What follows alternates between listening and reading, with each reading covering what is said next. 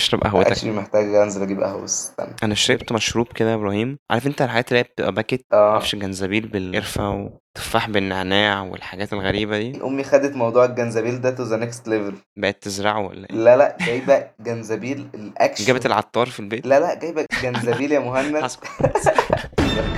هو الجنزبيل ده أساسا حاجة كده وبتتبشر. ال form بتاعه ممكن يبقى powder أو أو شيء كده عامل زي رجل الغراب ولا حاجة كده حاجة غريبة كده. أيوه شبه بطاطساية حاجة كده. لما رحت السويس بقول لها أنا عايز جنزبيل. فلقيتها طلعت لي البتاعة ديت وبتبشرها لي في الكوباية. فلا بخاف من ده. أنا لسه والله شارب كوباية كاملة كان فيها من الباكيتات اللي بقولك عليها دي. Yeah. حاطط أربع باكيتات وفككهم مفضيهم علشان مش بثق في ال- الشيء البلاستيك الشيء اللي هو الشفاف بتاعهم ده. Actually مش بلاستيك هو فاهم هو ورق ترشيح. جربت قبل كده حطيت اتنين منه في كوباية وشربته وحسيت إن أنا شربت مية.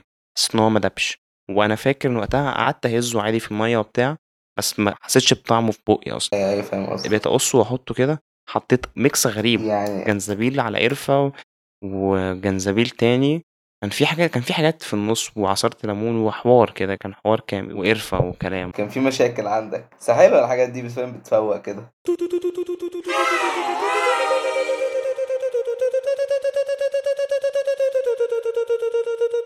إبراهيم is back yay in the motherfucking house. أخبار dude ال fans عمالة تكلمني طول الوقت فاهم؟ اللي هو فين ال ما حدش ما حدش كلمني ما حدش كلمني خالص. انت عارف كنت في سيليكون فالي سان فرانسيسكو ف ده انت بت flex ها؟ Oh yeah. Nice. Shout out لحسام. شاوت اوت لحسام لحسام لحسام okay. ممتاز. Alright تعالى ننقل بسرعة عشان مفيش وقت نضيعه خالص. Okay.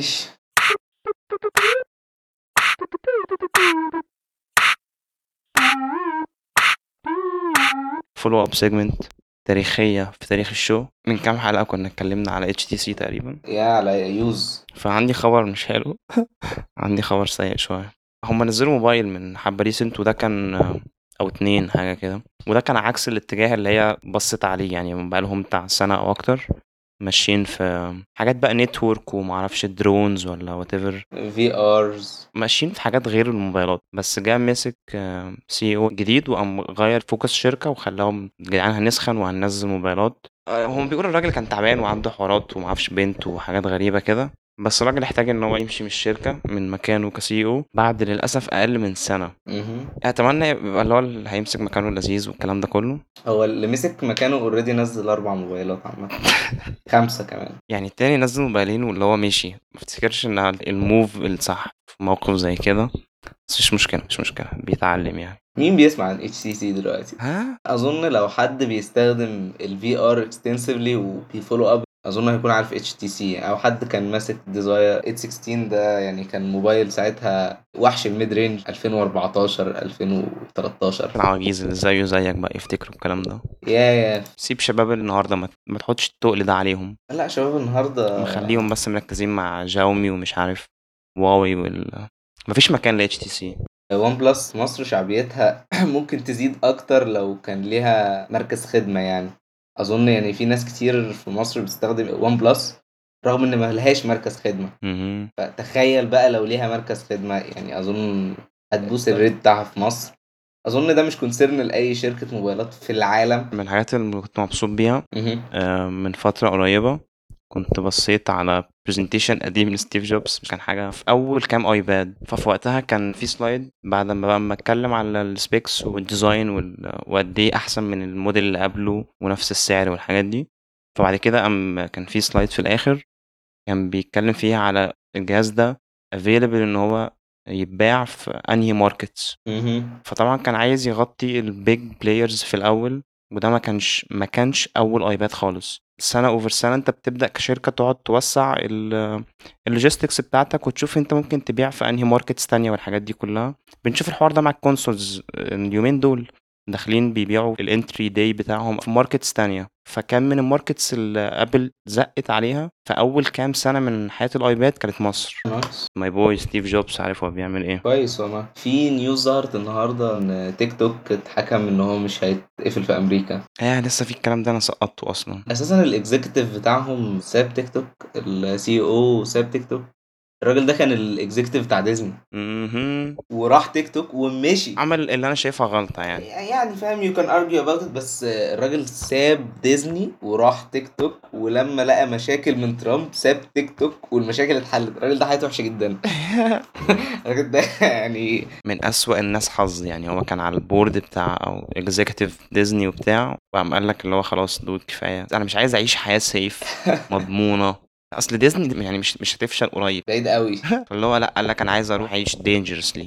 عايز أروح wild west طب برضه ماشي هنقعد نخش في tangents بابجي كانت اتمنعت في الهند. آه ده عشان مشاكل military من من حبة كده. ورجعت بقى أو هترجع في update جاي soon هي فتحها في الهند بس لما قريت ال headline ده الحاجة الوحيدة اللي قعدت أفكر ساعتها كان هل راحت عليها؟ هل في آه، عدد كافي من ال users يخليها relevant في الهند مرة تانية؟ أنا معرفش. Actually الهند من أكتر عدد ال users outside China لبابجي. أكتر عدد user معرفش ده percentage wise عشان ال population نفسها في الهند كبيرة. Tremendous. Percentage wise هل هيبقى أكبر percentage ولا لأ؟ بس أنا اللي متأكد منه إن عدد ال users في الهند بالنسبة لبابجي كبير زائد كمان إن عدد ال users لتيك توك اللي اتلغى برضو في الهند كبير لدرجة إن هو معدي نص ال population يعني زي فيسبوك في مصر مثلا. آه. ممكن تعتبر تيك توك في الهند. تفهم بقى. آه وعشان كده لما اتقفل حصلت مشاكل كبيرة. يعني فاهم فيسبوك في مصر مشهور يعني if you didn't know. بس.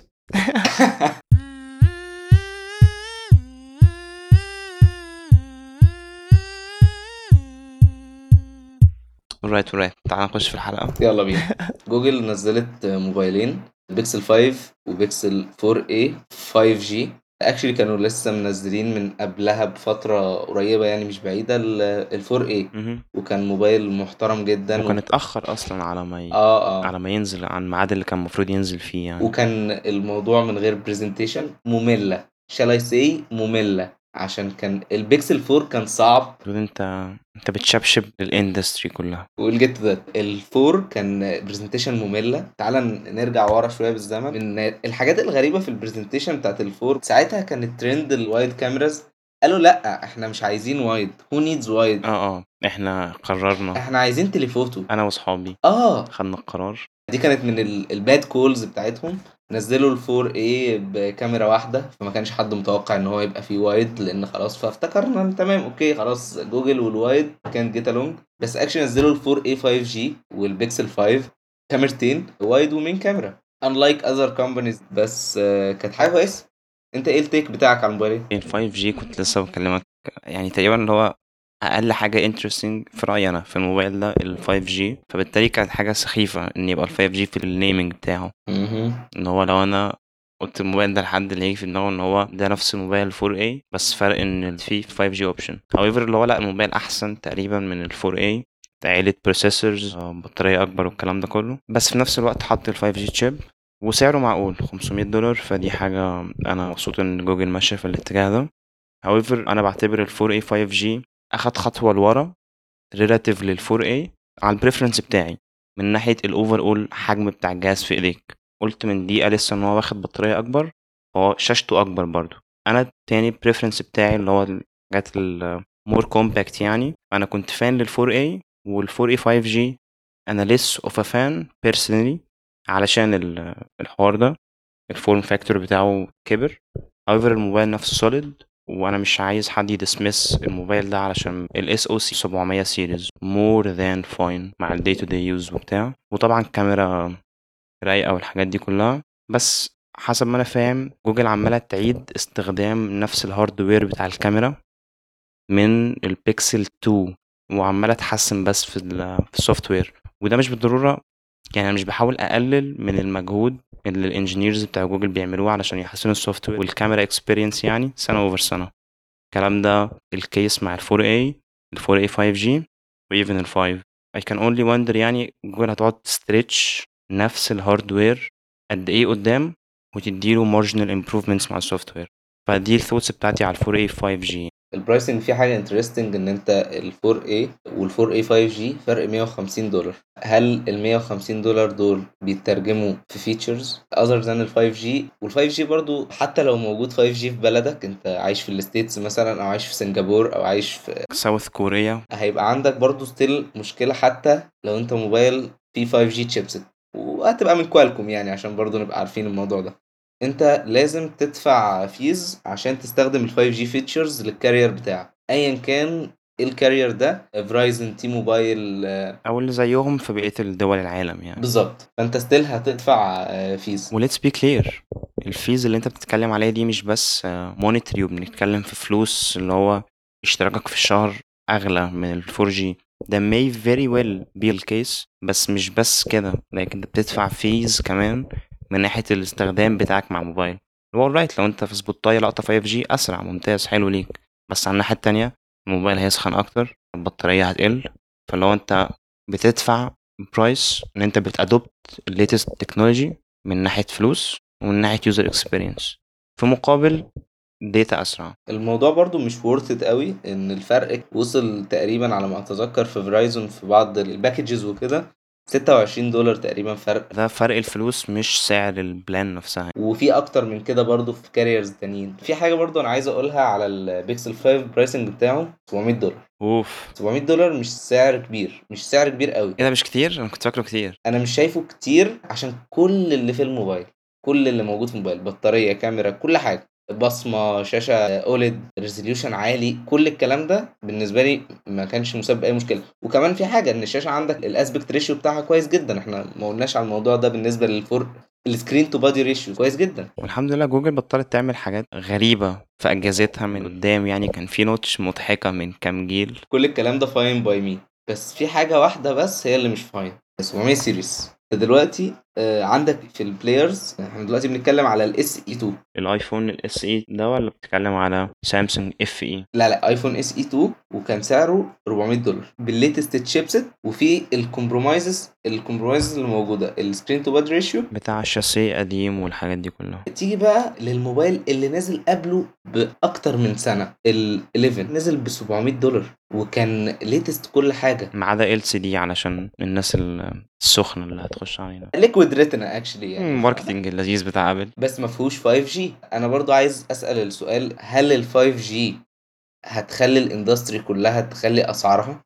لأن in comparison لو اتكلمنا على ال 4A ال 4A العادي هنلاقي إن ال compromise موجود في الكاميرا بس ال value بتاعته فعلا. فرق 150 دولار. أنت بتتكلم في 350 ل 500 دولار لل 4A 5G وصفنا لحد دلوقتي مش موضح كتير يعني إن في improvements ما بين قوسين بت justify ال 150 دولار دول غير ال 5G لك شاشة أكبر موبايل overall أكبر.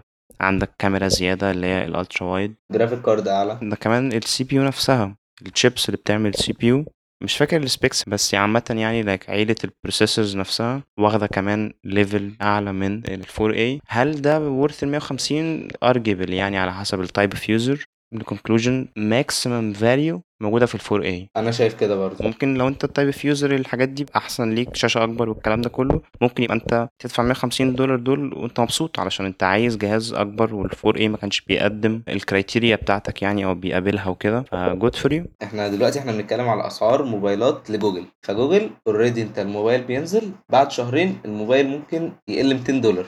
و200 دولار وات سعره إيه. يعني إحنا بنتكلم في ال Five already سعره ممكن تشتريه ب 400 دولار بعدها بفترة بسيطة. بس هل ال announcement price بتاع كل الموبايلات هيزيد؟ ده سؤال لو حد يعرف إجابته يجاوبني لأن أنا شايف إن ال pattern مش clear مش كل ال industry بتغلي وكل ال industry بترخص وكل ال industry بتثبت. بس جوجل الموضوع مش clear لأن already الموبايلات رخصت عن السنة اللي فاتت. كان expected بسبب إن أنت ال sale rate قليل و expected برضو عشان ال processor نزل من 800 series ل 700 series دول اتنين factors كبار. بس الموبايلات زي ما سعرها رخص هي still غالية. يعني مثلا لو انت عندك ال Five ده كان ب 800 series processor ما استغربش لو كان نزل ب 1000 وقتها. لو كان نزل ب 1000 كنت still هقول نفس الكلام اللي قلته على ال Four إن هو over price بس لو كان نزل ب 800 كان ممكن فاهم أقول okay السعر كويس. لكن انت دخلت فئة ال 700 دولار. ما ينفعش تخش فيها 900 دولار mid range processor دي دي صعبة. بتبيع الموبايل عشان انت اسمك جوجل وعشان انت كاميراتك كويسة وال... أو ال software بتاع كاميراتك كويسة وانت ما عندكش الاسم ده. انت already انت مش established في ال industry خالص. انت بس مش المبيعات بتاعتك مش عالية. يعني مثلا مايكروسوفت لما بتنزل موبايلاتها أو بطلت تنزل موبايلاتها نزلت اي دود نزلت الديو؟ آه الديو آه سعره غالي. بس تقدر تقول أيوه ليه بقى؟ لأن new design language بالظبط حاجة حاجة unconventional حاجة ما كانتش موجودة قبل كده. إن هو ما كانش موجود حاجة كده بقى موجود حاجة كده. تدفع عليها كام؟ 1400 مناسب 1300 مناسب. أنت هنا اللي هت set the price بتاع ال industry كلها. يعني لو مثلا اتعمل لو سامسونج عملت موبايل زي الديو أو عملت تابلت زي الديو وهي already عاملة ال Folds هي اللي هت set the price أنت اللي هتبدأ فأنت اللي هت set the price بتاع ال industry كلها. كل ال industry هتمشي وراك لحد بعدها بسنتين مثلا. هيبدأ كل واحد يعمل ال features بتاعته وال price بتاعه. لكن ما ينفعش انت تكون في industry established بتاعت smart phones و already ال industry بتتشبع. فانت عايز تخلي حد يبيع موبايله أو يستغنى عن موبايله القديم ويجيب الموبايل بتاعك. بس التسعير ده مش لذيذ قوي ك announcement price لسبب بالنسبة لي بسيط. أنا ممكن أشتري الموبايل ده بسعره أرخص دلوقتي الموبايل هتلاقيه أرخص على eBay مش هتلاقيه ب 700 دولار. بس أنت لو شفت ال announcement بتاعه هيثبت في مخك فكرة إن الموبايل ده over price فأنت أي وقت لما تيجي تفكر تغير موبايلك بقى بعد كده صعب قوي ترجع تفكر في البيكسل 5 بس still زي ما شايف يعني ال 5 G ال effect على ال price مش كويس. بالنسبة للناس اللي عايشة في مناطق ما فيهاش 5 G ودي كتير قوي برضه في point ال S 20 في نسخة نزلت 4 G ونزلت ب 850 دولار مش 1000 دولار. بس ما تمش الإعلان عنها في المؤتمر. ودي كانت بالنسبة لي الحاجات الغريبة. انت ليه ما تقولش إن موبايلك مش ب 1000 دولار؟ انت موبايلك ب 850 فال 5 G كان فرق 150 دولار وكان تقريبا في فرق برضه سيراميك أو كان في فرق في ال... مش في ال tech. build بتاعه؟ ال build بتاعه آه. بس لو هتيجي تتكلم ال 5 G ليها تأثير على ال price والتأثير مش كويس. للناس اللي مش عايشة في أماكن فيها 5 G ومش willing to pay for 5 G حتى لو عايشة في أماكن فيها 5 G وده تقريبا معظم الناس 90% من الناس أكتر. معرفش. بس هو push كويس لل 5 G let's see what happens هي السنة دي سنه ال 5 G clearly بس كمان I would argue زي ما بقول لك إن أنت لو بتدفع فرق الفلوس في الموبايل نفسه في ال hardware بتاع الموبايل عشان تاخد ال 5G تدفع فرق الفلوس لل carrier بتاعك علشان تاخد 5G plan فانت هتدفع فرق user experience عشان ت enjoy بقى بال 5G على موبايلك ده. وده price you have to pay علشان ال 5G early technology يعني relative لل 4G 4G بقاله قد إيه؟ 4G خلاص إحنا خرجنا منه أصلا أو ال industry بتخرج يعني. فأنا أقصد إن ال technology نفسها modem ال chip اللي موجوده على ال motherboard لسه early technology فإحنا لسه بندفع ال price بتاع إن هي early technology وإن في early adopters والحوار ده كله. برضو من الحاجات ال commonalities اللي ما بين معظم الموبايلات even ال iPhones بتاعت السنة دي إن الشريحة بتاعت ال 5G أو ال modem chip نفسها كانت بتبقى embedded جوه ال SoC علشان تبقى efficient أكتر عشان توفر wattage وتقلل consumption من البطارية وتقلل ال heat اللي طالع. بس مع introduction لل 5G النقلة دي خلت ال chip اللي كانت جوه ال SoC تخرج براه لسه قايل technology فده specifically like النقلة دي لوحدها خلت سعر الموبايلات أغلى وخلت الموبايلات بتدفع بقى اللي هو penalty ك user experience سيبك من فلوس الموبايل أغلى وال carrier plan أغلى. بس ال experience نفسها وأنت بتستعمل الموبايل أنت بتدفع سعرها علشان ال technology دي لسه جديدة. ده ال baseline نظريا يعني it should only improve وإحنا ماشيين لقدام والتكنولوجيا دي عمالة تتحسن وي iterate وا عليها سنة ورا التانية. فال 5G clearly كمان سنتين ثلاثة مش هتحتاج تدفع user experience penalty عليه. بس لو انت عايز دلوقتي في 2020 right ده ال compromises اللي موجودة اللي محتاج تعدي عليها علشان ت enjoy ال experience دي. أنا شايف إن أنت still هتدفع carrier fees هيبقى هو ده ال norm زائد إن ال experience هتبقى improve substantial ال coverage زاد. بالظبط. بس هتبقى still تدفع. ممكن يبقى في competition ما بين ال carriers ونظريا نظريا يعني ال competition ما بين ال carriers نظريا المفروض تخلي ال service اللي بيقدموه أحسن و أو prices أقل. بس أما نشوف إيه اللي هيحصل. ما حدش يراهن. فأنت يعني دلوقتي نصيحة لو عايز تشتري موبايل جديد الحاجة الوحيدة اللي تبص عليها ال use case بتاعتك إيه الموبايل اللي هيخدمها وال price range اللي أنت عايز تشتري فيه. زائد برضو تبص على جزء اللي هيديك زي مساحة إن أنت toggle يعني أنت مثلا مش ضامن انت هت game على الموبايل ولا لأ بس انت already بت game على الموبايل اللي معاك دلوقتي. فممكن ما تزنقش نفسك في low chips 700 ممكن بدل 730G تدور على حاجة 765G موجودة في ال 4a 5G والبيكسل 5 مش لازم اللي هو تجيب بالظبط لازم توجل شوية. اي disagree. أنت دلوقتي بتتكلم في الكونتكست بتاع شخص معاه موبايل هيابجريد لموبايل تاني. Yeah. معنى كده إن الشخص ده مع موبايل أنا هأسوم الموبايل ده على الأقل 1 year old. أنا هفترض كمان إن الشخص ده معاه 800 سيريز ولا حاجة. فأنت بتتكلم في 855 اي جس واو. 55 بلس لو أنت معاك حاجة. أو هي ابجريد ليه؟ عايز 5 جي فور وات ايفر ريزن يعني. أنا بدي اللي هو لايك بيست كيس سيناريو 1 year old 855 ممكن يبقى أقل من كده. بس ال argument بتاعتي طبيعة ال technology إنها بتمشي لقدام. بسبب إن ال technology بتمشي لقدام وإن أداء الشيبس بيتحسن مع الوقت iteration جيل ورا التاني سنة ورا التانية. فال performance بتاع ال GPU اللي جوه موبايلك دلوقتي very likely يبقى similar لل performance بتاع ال GPU اللي جوه ال 700 series بس هي mentally ومقصودة من ال marketing اللي جوه الشركات يعني عشان ده شغلتهم. يدوك إحساس إن أنت بتسيب performance على الأرض وأنت بتنزل من 800 series ل 700 series which is absolutely true. بس ال argument اللي أنا بحطها هنا إن ال compromise دي بتاعت ال SoC تعوض merits تانية في الموبايل.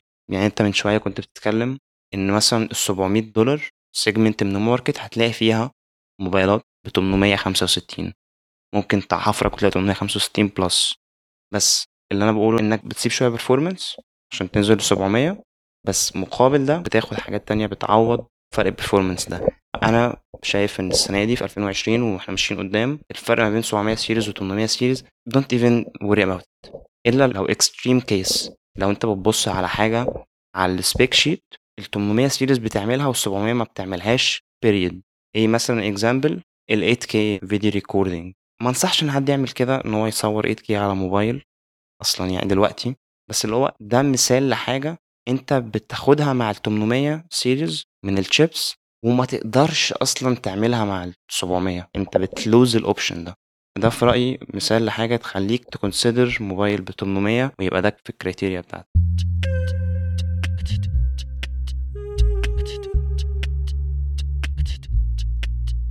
okay تعالى بقى تعالى حاجة interesting overall أنا حسيت ب vibe كويسة من presentations السنة دي من Apple وأعتبرها اللي هي clear step up عن بتاعت السنين اللي فاتت على ال stage ويعني عشان بس أوضح قد إيه اللي هو دي بالنسبة لي حاجة كويسة اللي هو I really did like presentations بتاعت السنين اللي فاتت اللي هي بتاعت وسط الناس وعلى ال stage والحاجات دي. فأنا شايف إن هو برافو لل team اللي شغال على الحوار ده عشان فعلا like fascinating stuff. هو ال team took advantage إن هو عنده ال editing aspect إن هو يقدر يطلع ال presentation بالشكل اللي يعجبه يقدر بعد ما يعملها يشوفها ولو ما عجبتوش يعيدها من الأول. فدي حاجة كويسة. وال presentation يعني في وسط ال presentation ز التانية برضو shined up يعني كل ال industry عندها الإمكانية ديت. أنت هو هو بالظبط. even even ground كلهم عندهم نفس الفرصة بيقابلوا نفس الظروف. بس ابل excelled فعلا. production Yeah. كانت 10 على 10 آه، بص like 10 على 10 مؤتمرين من ثلاثة 9 من 10 في المؤتمر التالت. آه، أنا شايف دبل دبليو دبليو دبليو دي سي كان 10 على 10 المؤتمر اللي هو بتاع الماك ده بتاع one more thing actually 10 بص على أنا 10. okay أنا هسحبها. أنا هقول 10 10 WWDC بس. مؤتمرين ال- ال hardware كانوا 9 من 10 لا لا لا لا لا معلش. مؤتمر مؤتمر ال Macs ياخد 10 على 10 لأن انت لو مش واحد يعني اللي هو دارس إيه اللي بيتقال ده وفاهم كل الكلام اللي بيتقال هتفتكر ان لا خلاص كده ان هو إحنا قبل عدت المانش وعملت فاهم؟ خلاص. قفلت معاهم الدنيا. الشفرة ها فعلا. المؤتمر ده أحسن حاجة تتقال عليه سنيك 100 يا رب ما حد ياخد باله أنا مننا. بس أنا مشكلتي okay بص طب تعالى على المؤتمر بتاع الماك على ال production بتاعته والحاجات دي. I did enjoy it. A lot which is fine ممتاز. وطبعا كان في anticipation كتير من من ال rumors اللي كان بقالها كذا سنة إن أبل هت switch على ال ال ARM chips في ال laptopات بتاعتها. وبعد كده ال confirmation اللي خدناه بشكل رسمي السنة دي في WWDC فكان في زي build up و suspense كده والأيام عمالة تقرب لحد ما نزلوا المؤتمر. بس مشكلتي معاه إن هو في الجزء الأخير منه في آخر تلت مثلا I got bored. اللي هو بص يعني ده في رأيي أكبر factor خلاني أحس آه، إن هو بقى ممل شوية في في الجزء الأخير منه إن هما استخدموا نفس الشريحة ال M1 chip دي في ال products كلها اللي أعلنوا عنها. فاللي هو alright ما أنت هت share specs أنا ش... يعني لسه سامع من عشر دقايق منك إن ال specs دي كانت عالية. وعشر دقايق مم. قبلها على ال product اللي قبله التاني إن ال specs دي كانت عالية. اللي هو أنت هتقرر برضو إن ال specs كانت كويسة. أنت قلت ده لكن أنا سمعت ده. في فين الجديد؟ okay ال laptop أحسن ال product أحسن. Like I agree.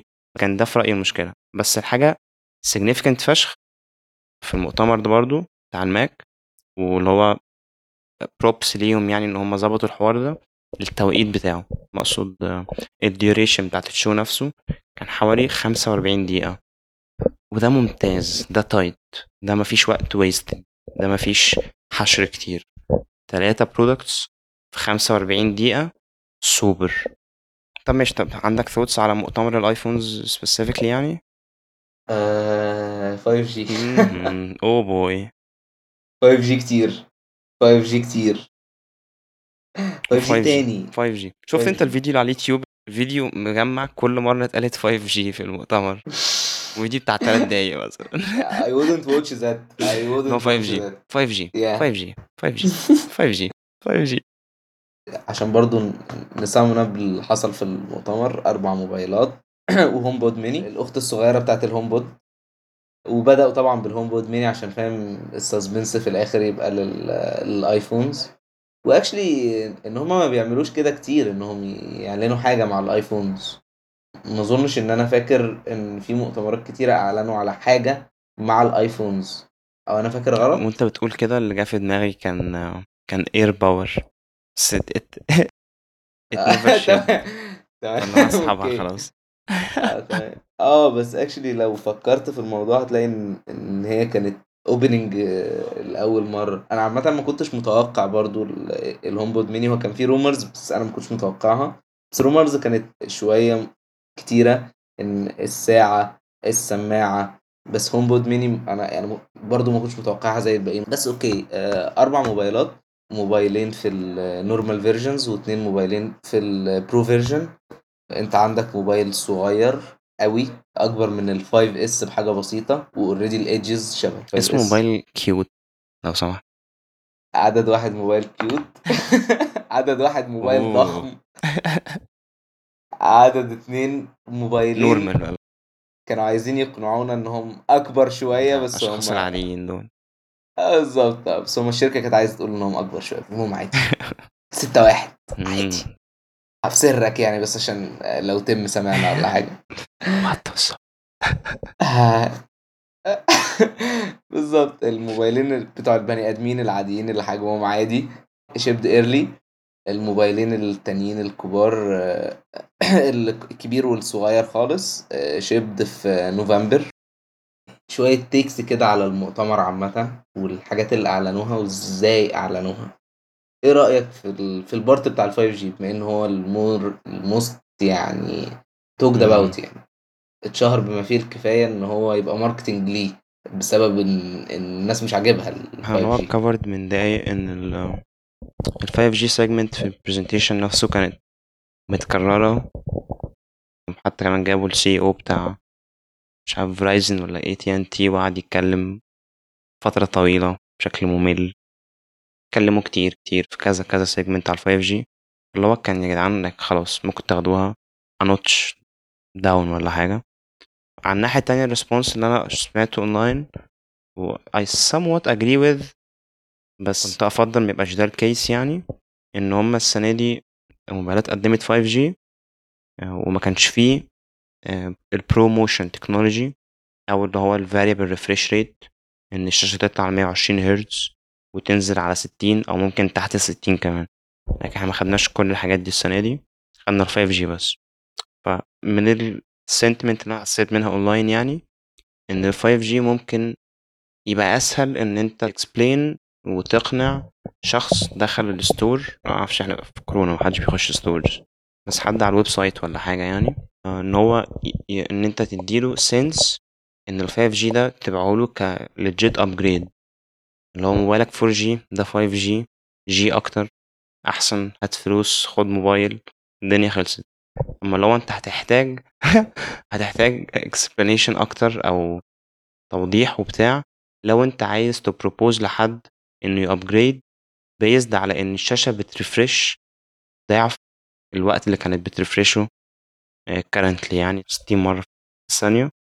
فال sense اللي أنا بقول لك خدته إن هو أسهل إنك تبيع ال upgrade ده لل general public وخلينا very clear like ال iPhones مش بتتباع مع ال مع ال hobbyists والناس اللي هي اللي عايزة tinker مع الموبايلات بالضرورة.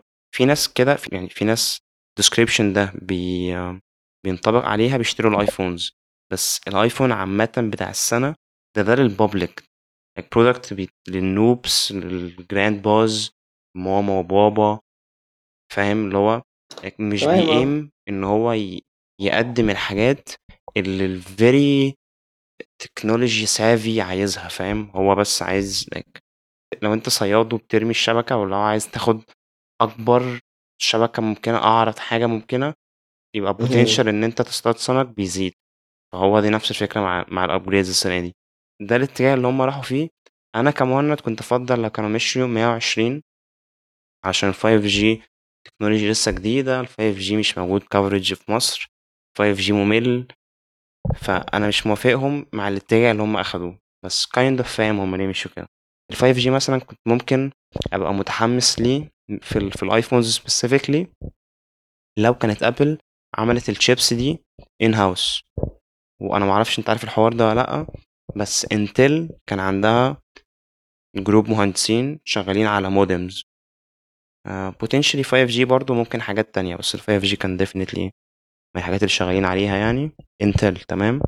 ومن من فترة قريبة سنة or so Apple اشترت الفريق ده من Intel تعالوا بس تعالوا عندنا. كنت ممكن أبقى شوية excited يعني لو Apple راحت الاتجاه ده إن هي رايح دي in house فبقى اللي هو يا جدعان إحنا عندنا implementation بتاعنا ال 5G وأكيد هيبقى efficient شوية. ممكن يبقى embedded جوه ال SoC بس إن هي عادي راح راحت خدت chip من Qualcomm وحطيتها في الموبايلات وبتبيعها بسعر relatively أغلى شوية وتقول لك alright يا جدعان 5G 5G 5G فاللي هو ده كان حاجة مش متحمس لها بالضرورة يعني. فده بشكل high level كده الحوار.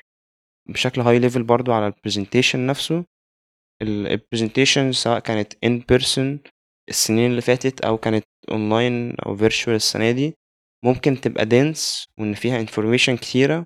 وطبعا شيء مهم إن أنت تتأكد إن إن ال information density ما تبقاش overwhelming وإن كلامك يبقى clear عشان توضح اللي أنت عايز توصله لل users أنت بت communicate معاهم بال presentations دي.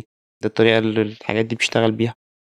في السنين اللي فاتت كانت فاهم أنت عندك slide وحد بيتكلم. يعني ده كل ال tools اللي عندك علشان توضح الشغل اللي عمله team مهندسين في آخر 12 شهر.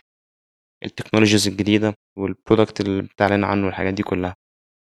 فأنا شفت ال presentation بتاع Apple بتاع ال iPhones السنة دي شفته مرتين ورا بعض. وبعد ما خلصت يعني بعد ما خلصت أنا still ما كنتش فاهم حاجات كتيرة من الكاميرا في ال distinction بتاع الكاميرات ما بينهم. فهم عملوا في رأيي وفي رأي ناس تانية أونلاين بس أنا بتكلم على لساني أنا دلوقتي. فاللي هم عملوا شغل سيء في إن هم يوضحوا الفروق ما بين الكاميرات وقت ال presentation الصورة وضحت طبعا دلوقتي شوية علشان هي موبايلات نزلت. في reviews بس وقت ال presentation وده اللي أنا بتكلم عليه لك هم ما عملوش شغل بالضرورة كويس إن هم يوضحوا الفروق ما بين الكاميرات وال features الجديدة اللي فيها وأنهي feature specific لأنهي موديل فده ال presentation بتاع الآيفونز يعني.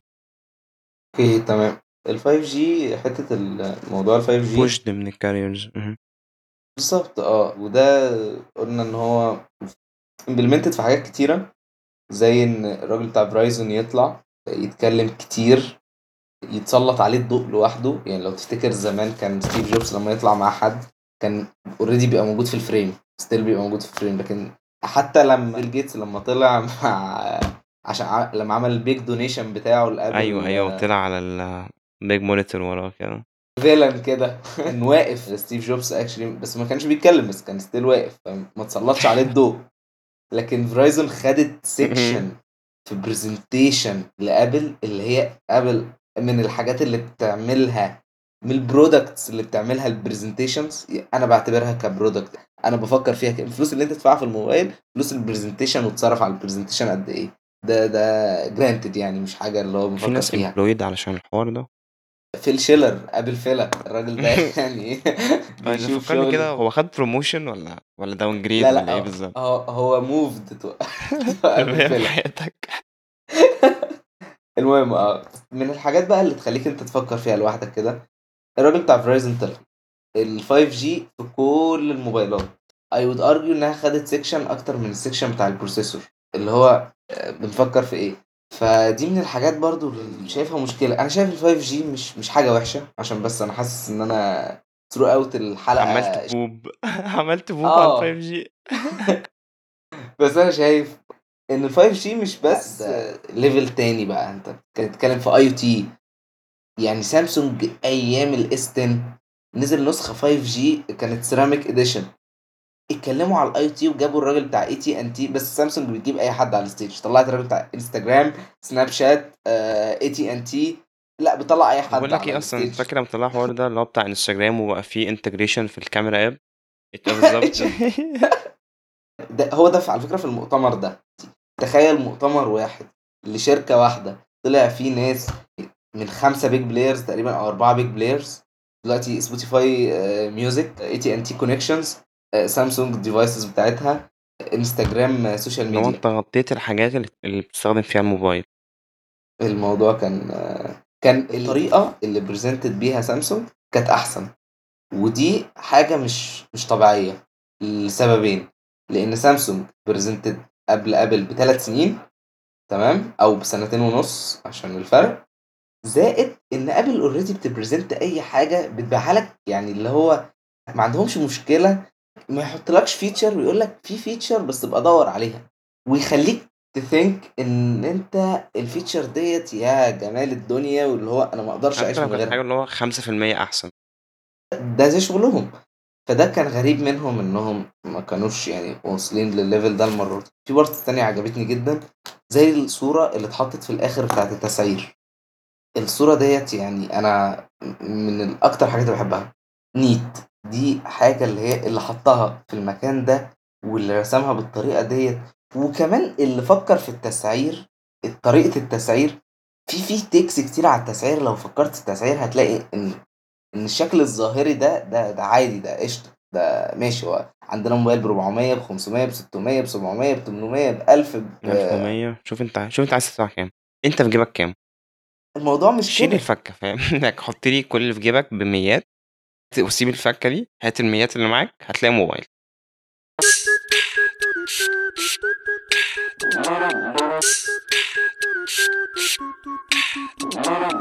في برضو حاجة ما أعرفش بقى أنت خدت بالك منها ولا لأ بس أنا خدت بالي منها من فترة قريبة كده واللي هو قعدت أفكر فيها extensively عايزك تقول لي هل الفرق بين ال 12 12 و 12 Pro 200 دولار صح كده؟ لأ. تمام. okay okay. كام هو بقى الموضوع صعب. بص okay. ال 12 بيبدأ ب 64 ال 12 برو بيبدأ ب 128 فلو عوضنا الفرق ده تلاقي 50 دولار. دي حاجة. تاني حاجة على ال website لو أنت رحت Apple dot com وفتحت الآيفون 12 إحنا بنتكلم على 12 مش على 12 ميني 12 انت عادي. بتتكلم على موبايلين هما الاتنين نفس الحجم 6 يا 6.1 6.1 بتوع السنة دي بالظبط. هتلاقيه مكتوب على ال website ب 800 وده التاني على ال version 64 however ال website kind of مخبي شوية أو مخليها one layer deep إن في 30 دولار بتدفعها زيادة عشان تاخد الموبايل ده unlock. ده حوار علشان في ال States.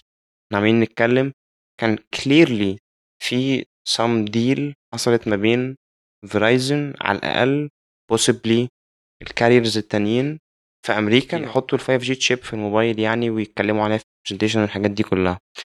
فعلى ال website لو انت كاتب Apple dot com هتخش على ال website بتاع أمريكا. ففي الحوار ده هم عاملين حسابهم ان إن انت هتشتري الموبايل ده لك ومعاك شريحة يا إما Verizon يا إما اي تي ان تي يا إما whatever الشركة التالتة بتاعتهم دي.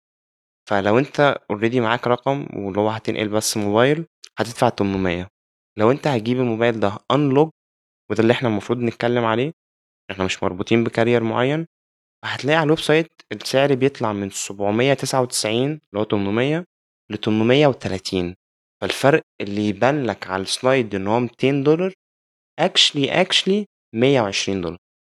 nice. انت جبت ال point كويس. كويس إن انت فكرت في نفس ال point. أنا يعني extensively دورت في الموضوع ده. بس كويس إن أنا مش لوحدي. أنا عملت research وقضيت يوم كامل. بعمل بعمل nice graph ال graph هحاول أرفعه somehow وأحط ال link بتاعه في ال show notes ده الموضوع اللي أنا فعلا كنت عايز أتكلم عليه في ال pricing وإن ال price difference بين ال 12 Pro وال 12 فعلا السنة دي every dollar أنت هتدفعه الفرق ده أنت شايف كده؟ آه شايف ألومنيوم العكس. ألومنيوم الستانلس سيت اوف كاميراز بطارية. أنا شايف الثلاثه دول ول- ولايدر سنسور. آه ساعات في بطاريه ساعات. لا. ما وقعش قدامي حاجة بتقول كده. اللي وقع قدامي بيقول العكس. بس أنت بتاخد فعلا اللايدر بتاخد الفريم وفي أوكي. أنت سقطتها بتاخد 2 جيجا رام. ما أوكي. 2 جيجا في 4 الآخر ل 6 آه. فيتشرز في الكاميرا انلوك أوكي مع برضو. البرايسنج والكاميرا. بص لو خدنا خطوة كده ورا وبصينا على ال lineup السنة دي ال iPhone 12 ما أقصدش دلوقتي اللي هو الموبايل اللي شاشته كذا انش أنا بتكلم على ال lineup بتاع السنة دي كله overall الانطباع اللي أنا خدته منه إن هما السنة ورا سنة بيقربوا الموبايلات دي لبعض. الأربعة أو التلاتة في السنين اللي فاتت عمالين يشيروا features من بعض أكتر وأكتر. لو بصينا على 2017 ال introduction ال design الجديد بال iPhone 10 ساعتها كان ده clearly مختلف بشكل significant عن كل الموبايلات اللي اتقدمت معاه في نفس السنة اللي هما الاتنين التانيين ال 8 وال 8 Plus عشان كان ده introduction ال design الجديد. starting. من 2018 و19 السنة اللي اتقدم فيها ال 10 R مع ال 10 S وال 10 S Max كان في similarities. لما تقدم ال 11 11 Pro 11 Pro Max كان في similarities according لعينيا أنا similarities دي زادت والموبايلات قربت لبعض شوية. Still كان في clear lines بتفصل الموبايلات دي بينها وبين بعض like كان في LCD و OLED ده كان حاجة بتفصلهم بين بعض. كان في وقت مثلا ال 10 R كانوا شايلين منه lens كاميرا فكان في differentiators موجودة علشان ت justify الفرق الفلوس اللي هو ليه تدفع 700 هنا أو 750 وليه تدفع هنا 1000 علشان كذا وكذا. لو مفيش differentiators لما يحط لك product واحد أو اتنين. فالثيم اللي أنا خدته من ال release السنة دي كله إن regardless أنت دفعت 1000 دولار مع ال Pro أو ما دفعتش ال 1000 دولار ورحت لل 12 أو 12 ميني أنت مش بتخسر حاجات كتيرة. و overall الموبايلات زي ما بقول لك حاسسها اللي هي متشابكة كده في بعض اللي هو محتاج تركز وتقعد تبص كده كويس. علشان تشوف إيه الفروق بينها وبين بعض غير الحاجة ال obvious طبعا اللي هو حجمهم. ده على شكل high level كده يعني من release السنة دي. الترند ده أتمنى إنه يفضل يمشي قدام أكيد آه هو الترند اللي هو كويس. لو موبايلك ال entry وتخليه شبه موبايلك اللي بألف دولار plus دي حاجة كويسة جدا لل users اللي هيجيبوا موبايلك ال entry وده أغلب ال users معرفش النسبة قد إيه بالظبط بس I can only assume إن الناس اللي بتدفع ألف دولار في الموبايل عددهم أقل من الناس اللي بتدفع 700 950 دولار. فده بيخلي ال experience بتاعتك أنت ك user أحسن for obvious reasons. بالنسبة للكاميرا system بتاع الموبايلات السنة دي بس specifically مع ال Pro models يعني.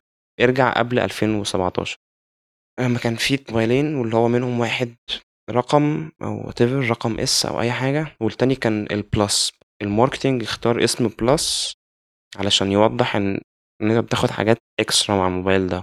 كان من ضمنها شاشة أكبر وبطارية أكبر. دول كده كده متوقعين. بس كان من ضمن الحاجات ال plus اللي بتاخدها مع الموبايل ال Plus اللي بتاخد screen resolution بتاعها أكبر عشان الشاشة أكبر بس ال density نفسها أزيد. بي بي crisp ايز بالظبط. الشاشة كانت crisp أنت تقدر تشوف details أكتر في الشاشة.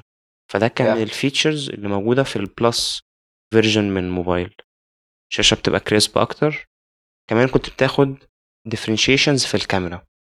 في سنة السكس اللي هو بدأوا أصلا بيها الموبايلين الواحد والرقم ال Plus سنة السكس والسكس اس في السنتين دول كنت بتاخد optical image stabilization على الكاميرا أو OIS يعني على ال lens بتاع الكاميرا. ما كنتش بتاخد ده مع الموبايل اللي هو اللي حجمه أصغر.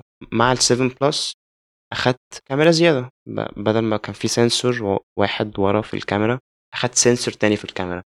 ما كانش ال sensor ده موجود في الموبايل ال 7 بقول كل الكلام ده عشان أوضح إن لما ال marketing team كان بيستخدم كلمة Plus في موبايل كان بيوضح إن أنت okay بتدفع ال 100 دولار فرق دول بس كان في features بتاخدها أو في features محجوزة أو موجودة بس exclusive مع الموبايل ال Plus من أول 2018 لما قدموا ال 10S وال 10S Max وقعدوا بقى يستخدموا الكلمة Max دي في الموبايلات اللي بعد كده ال 11 Max وال 12 Max ال trend كان إن أنت بتاخد exactly ال set of features في الموبايلين ما عدا بس حجم الشاشة والبطارية. كنت بتاخد نفس الكاميرا set نفس ال resolution الشاشة بس اتكلم على ال density بتاعت ال resolution اللي هو ال pixel per inch PPI زي ما مم. قلت يا إبراهيم. فاستخدامهم لل term Max كان بيوضح إن في feature parity الاتنين نفس الحاجة. أنت بس الفرق اللي أنت بتحتاج ت consider ه هو التفضيل بتاعي موبايل كبير ولا موبايل صغير. Other than that الاتنين نفس الموبايل ده كان ترند بالنسبة لي أنا كويس. مش بس عشان التفضيل بتاعي موبايلات صغيرة بس كمان علشان أنت ما بتعملش unnecessary segmentation فاهم؟ اللي هو لو أنت قلت لي أدفع 1000 دولار أو 1100 أنا ب expect إن أنت تديني كل الحاجات اللي ممكن تديهاني. ده مش دي ال case مع ال release السنة دي. لأن حصل segmentation في ال camera system بتاع الموبايلات ده. فبقى أنت بتاخد مع ال Max بتاع السنة دي شاشة أكبر بطارية أكبر تمام؟ بس كمان بتاخد camera system أحسن. وده أول مرة يحصل من وقت ما استخدموا كلمة Max أتمنى إن ده يبقى حصل due to فيزياء واللي هو ال volume جوه الموبايل ما كانش كفاية إن هم يحطوا ال sensor ده و hopefully هو هي figure out حاجة السنة الجاية. أنا مش عايز ال segmentation بتاع ال Plus ده يرجع خصوصا إن هم قعدوا سنتين عاملين far as I know feature parity ما بين الموبايلين. هو نفس ال set ال features اللي هنا هو نفس set ال features اللي هنا. اللي بيختلف بس مسكة الموبايل في إيديك. هو أكيد حاجة مش كويسة آه، الفرق إن أنت ممكن تخليك تختار موبايل ما يناسبش احتياجاتك إن أنت عايز موبايل يكون حجمه ستة واحد تضطر تجيب آه، موبايل أكبر يعني آه، ستة سبعة تقريبا عشان set of feature أنت عايزها. بس ما أظنش إن دي ال case اللي هتحصل ال- الفرق ال features مش قوي بس I get your point إن الفرق موجود وإن هو ممكن يكون pattern قدام وال pattern دي مش هتبقى كويسة. مع قدام إن ال features ديت بدل ما تكون واحدة تكون أكتر. okay تمام. من الحاجات اللي عجبتني في المؤتمر السنة دي أكتر الحاجات اللي كنت مستنيها وكنت عارفها قبل المؤتمر بس اللي هو أنا مستني أشوف ديت لازم أشوفها بعدين. كده. إن ابل ما تنزلش موبايل LCD مش عايز أشوف كلمة Liquid Retina دي تاني. يعني عايز أشوفها في إعلانات على الماك. مش عايز أشوفها في موبايلات Apple تاني. ممكن نشوفها في ال في iPads upcoming iPads ممكن نشوف فيها الحوار. إيه ليه بس؟ أصل خد بالك هي بت signify إن هي ال edge أو ال corner بيبقى round بدل ما يبقى 90 درجة. أنا أكتر حاجة عجبتني في المؤتمر إن الشاشات كلها OLED مفيش أي لعب مفيش أي مشاكل بس في point كده فاهم هي ممكن تكون geeky قوي بس أنا مش فاهمها.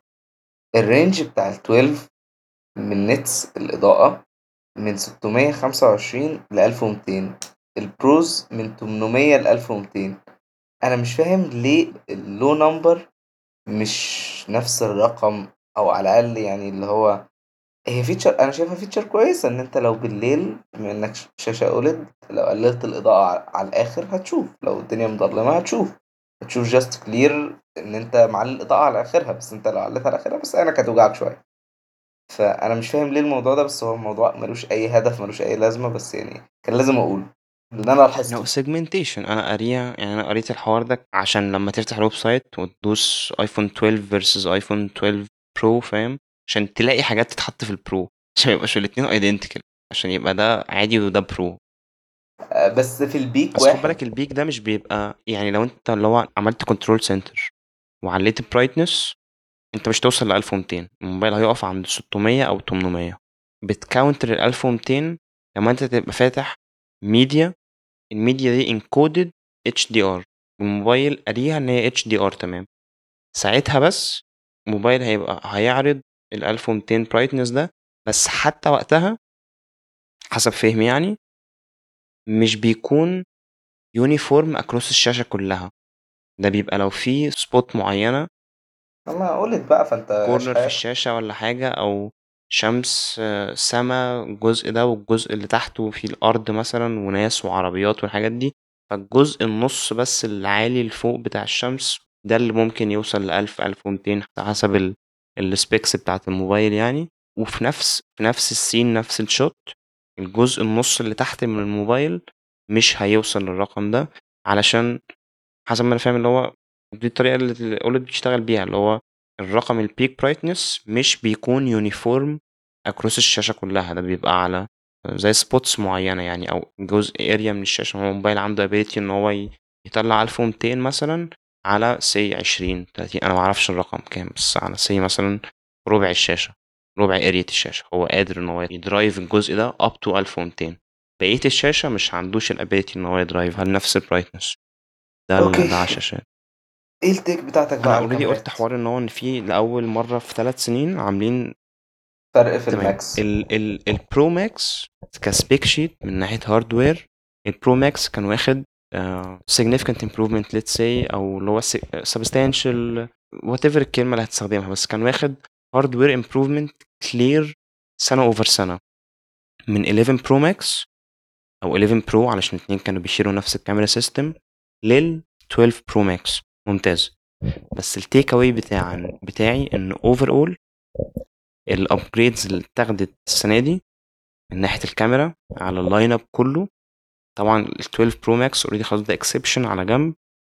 الثيم اللي أنا حسيته إن هم كانوا قدموا السنة اللي فاتت software features فمثلا كانوا قدموا ال night mode السنة اللي فاتت على ال main cam ال main sensor ال wide sensor أو كده. وبرضه قدموا technology تانية اسمها Deep Fusion بس الفكرة إن هي كانت software improvement بس كانت على ال main lens تمام؟ فالتيك اواي بتاعي إن هم اللي عملوه السنة دي أكتر أكيد بقول لك كده كده في hardware improvement يعني بس أكتر إن هم قدموا ال night mode وال Deep Fusion اللي هو ال technology ال software دي حطوها على بقية ال lenses اللي في الموبايلات.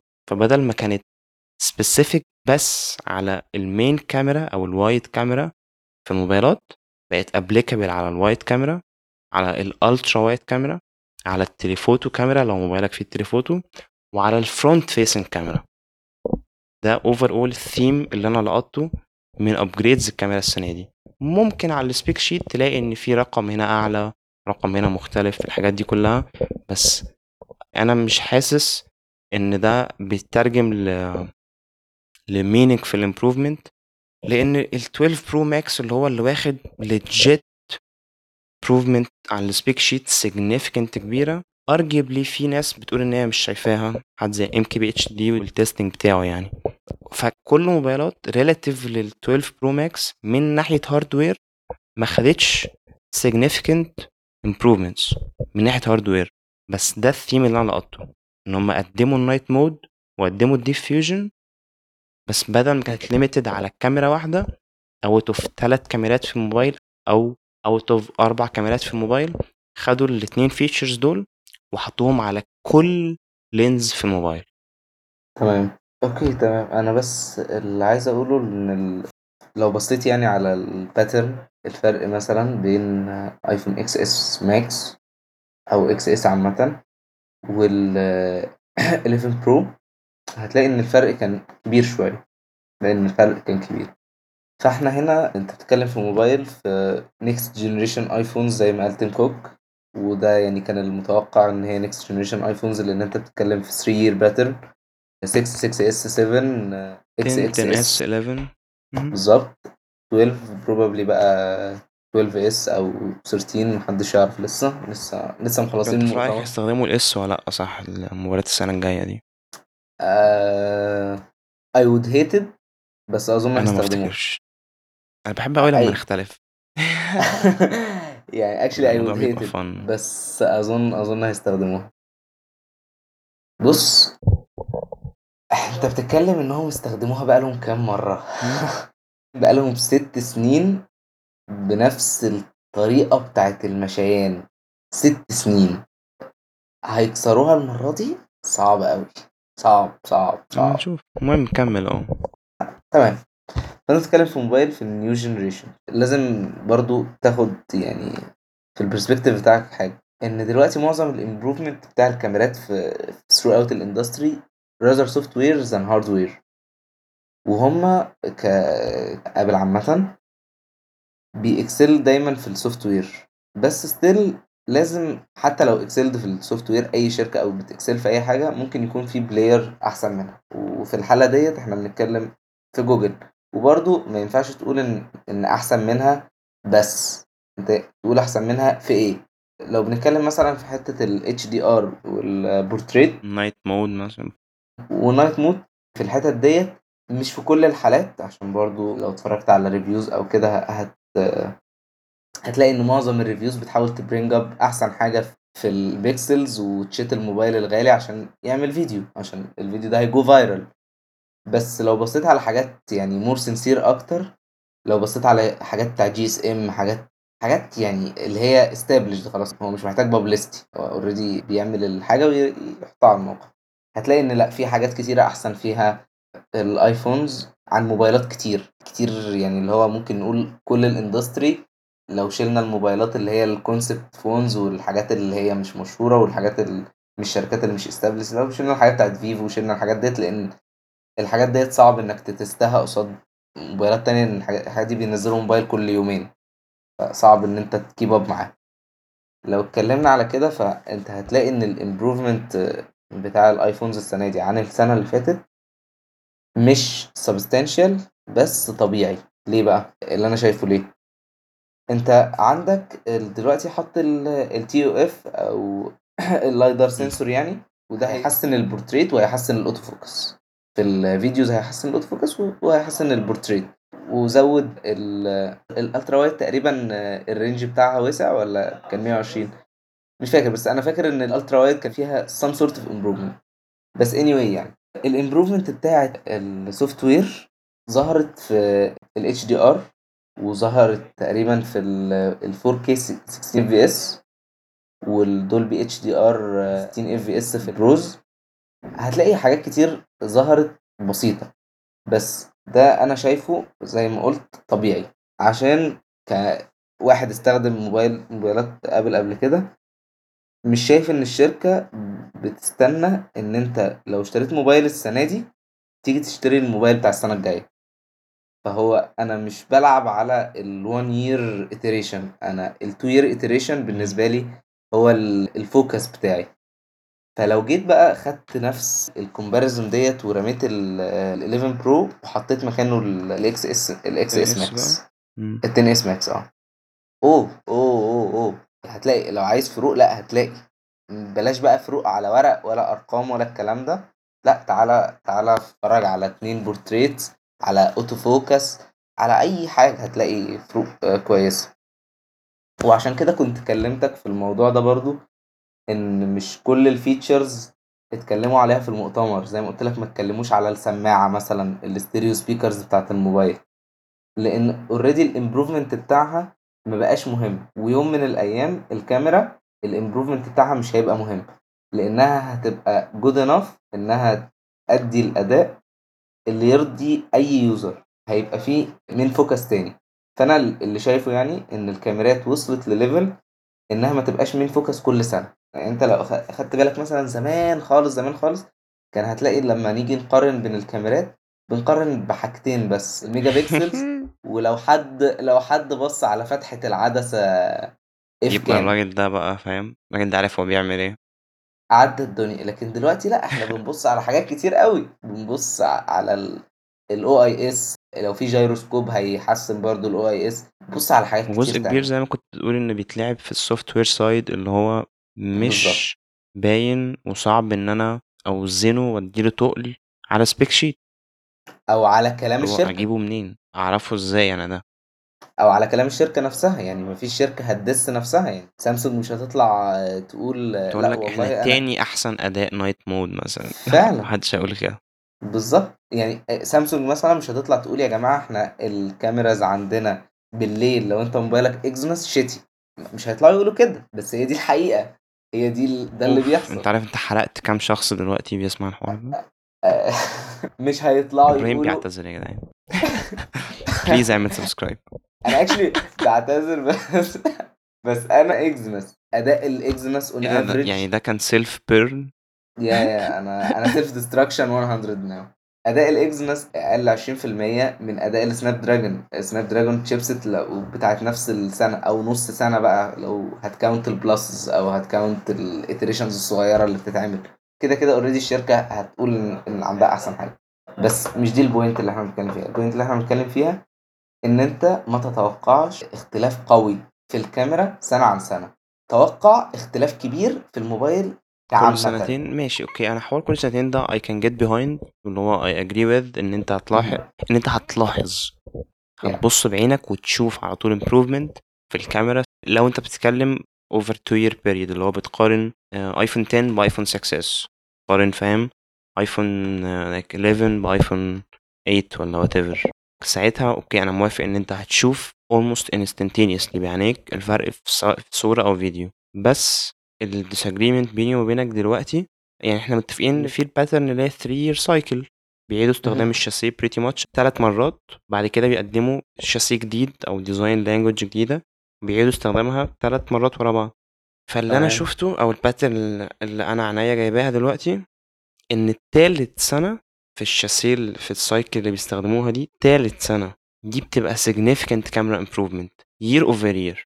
يعني أنا معاك إن بشكل عام من غير ما نبص على أنهي سنة في أنهي cycle وفي الحوارات دي كلها كل سنتين هتلاحظ على طول improvements. بس لو جيت تبص تنقص على 11 رغم إن الفرق بينهم سنة I argue إن 11 الفرق بتاعه ملحوظ.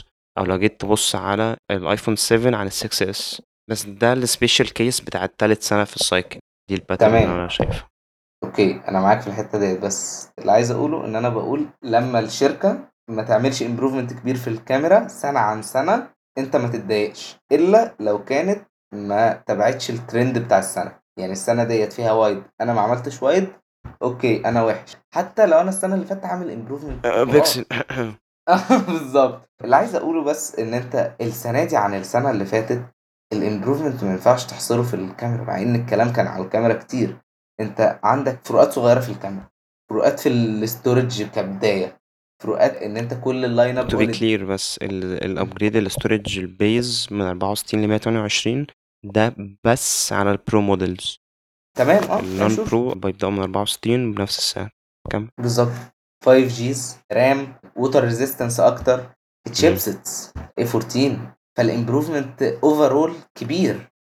لكن specifically على حاجة واحدة كاميرا ما توقعهاش دلوقتي لأن ال areas of improvement هتقل سنة over سنة. فأنت لازم ت find حاجات أكتر.